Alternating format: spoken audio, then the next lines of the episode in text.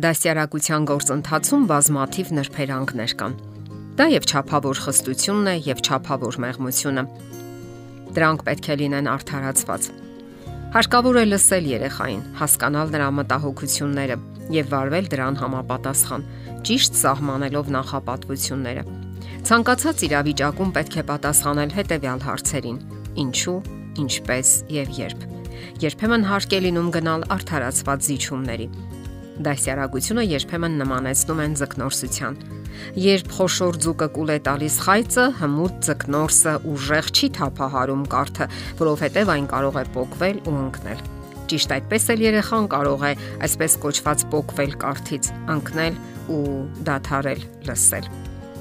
Որսալու այդ ողջ գործընթացը տեղի է ունենում աստիճանաբար։ Այն կարելի է ներկայացնել այսպես. երկու տարբեր խուսանավումների օգնությամբ Բաց ենք թողնում, ձգում, բաց ենք թողնում, ձգում, եւ դա երկարաժամկետ դասյարակչական գործընթաց է, ոչ թե մեկ օրվա։ Մենք գործ ունենք մարդկային անհատականության հետ։ Ձևավորվող ու եզակի մի աշխարհ, որը սովորում է, ընկնում է, կանգնում, ընկնում է, կանգնում եւ դա աստիճանաբար վստահություն է հաղորդում գործողություններին ու նաեւ հմտություն։ Ձեր կողմից ձգտեք շահել երեխայի վստահությունը Այն անհրաժեշտ է երկուսիդ էլ։ Երեխային ճիշտ դաստիարակելու համար հարկավոր է նաև պայքարել ստի դեմ։ Երեխաները ստելու սովորություն ունեն։ Դա հաճախ մրցակցությունից ծնված սուտ է։ Սա բնորոշ է հատկապես 5-ից 6 տարեկան երեխաներին։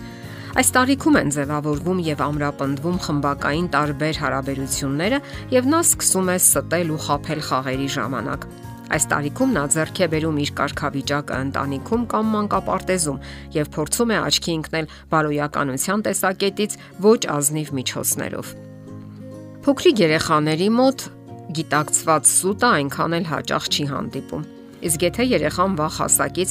հաճախ եւ մտածված կերպով ստում է, դա վկայում է որոշակի հոգեբանական հիմնախնդիրների մասին։ Հարկավոր է այնպես անել, որ այն չարմատավորվի եւ չխորանա հետագայում ավելի դժվար կամ նույնիսկ անհնարին կլինի պայքարել դրա դեմ։ Իսկ ընդհանրապես չի կարելի երեխայից պահանջել անհնարինը։ Եթե մեծահասակները ստում են նույնիսկ մանրուքներում, ապա երեխան անպայման կնկատի դա եւ հարց կտա. իսկ ինչու ինձ չի կարելի։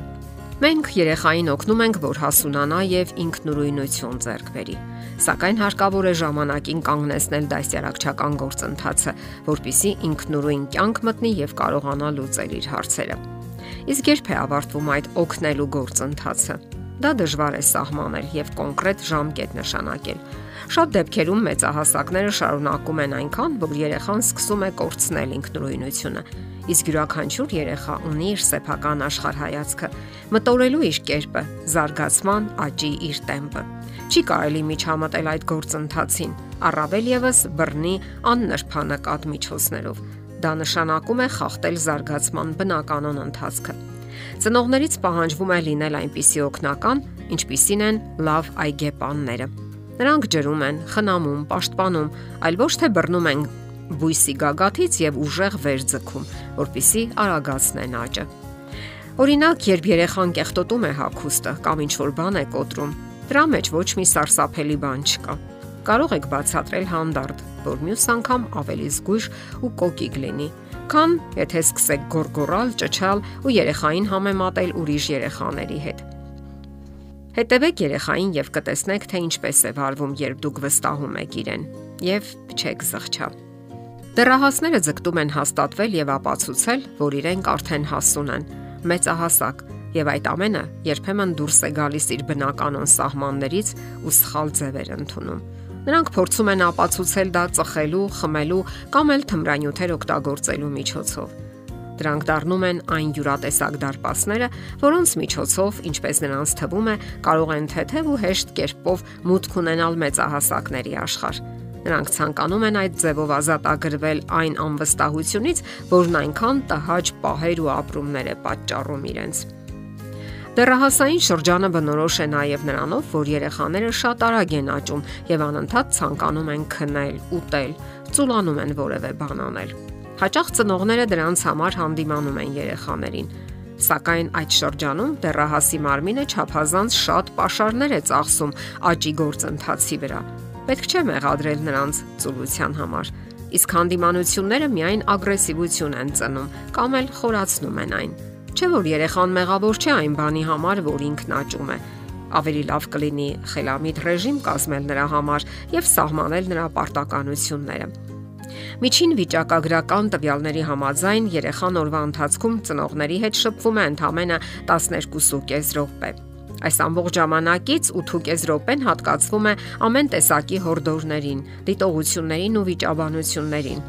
Իսկ վստահելի, անկերական, ոչ ձևական ու անկեղծ զրույցների համար մնում է ընդամենը 4 րոպե։ Սա սարսափելի փաստ է, որ պետք է մտածելու տեղիք տա յուրաքանչյուր ծնողի երբեմն կարիք կա նահանջելու, երբեմն էլ սեփական սխալներն ուղղելու։ Ծնողներն անսխալական չեն, սակայն հնարավորություն կա ծնողի այդ սխալներն ուղղելու։ Պետք է պարզապես ներողություն խնդրել այն բանի համար, որ իրենք սխալ են եղել։ Սկսեք հենց հիմա եւ կտեսնեք, թե ինչպես են երեխաները փոխվում։ Նրանք պարզապես ծաղկում են երբ տեսնում են, որ իրենք մեղավոր չեն այն բանի համար, որ ծնողները հանդիմանում են իրենց։ Դե ի՞նչ, հաջողություն ձեզ ձեր նոր ջանքերի մեջ։ Թող ձեր երեխաները լինեն վստահ ու երջանիկ, նրանք արժանի են դրան։ Եթերում է ընտանիք հաղորդաշարը։ Ձեզ հետ է Գեղեցիկ Մարտիրոսյանը։ Հարցերի եւ առաջարկությունների համար զանգահարել 033 87 87 87 հեռախոսահամարով։